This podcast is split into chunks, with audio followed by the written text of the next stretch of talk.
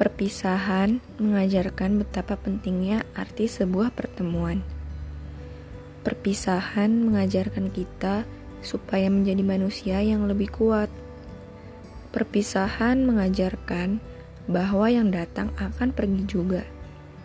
Oleh karena itu, kita harus selalu siap menghadapi segala perpisahan dan kembali ke kehidupan yang sebenarnya karena di setiap pertemuan selalu ada perpisahan.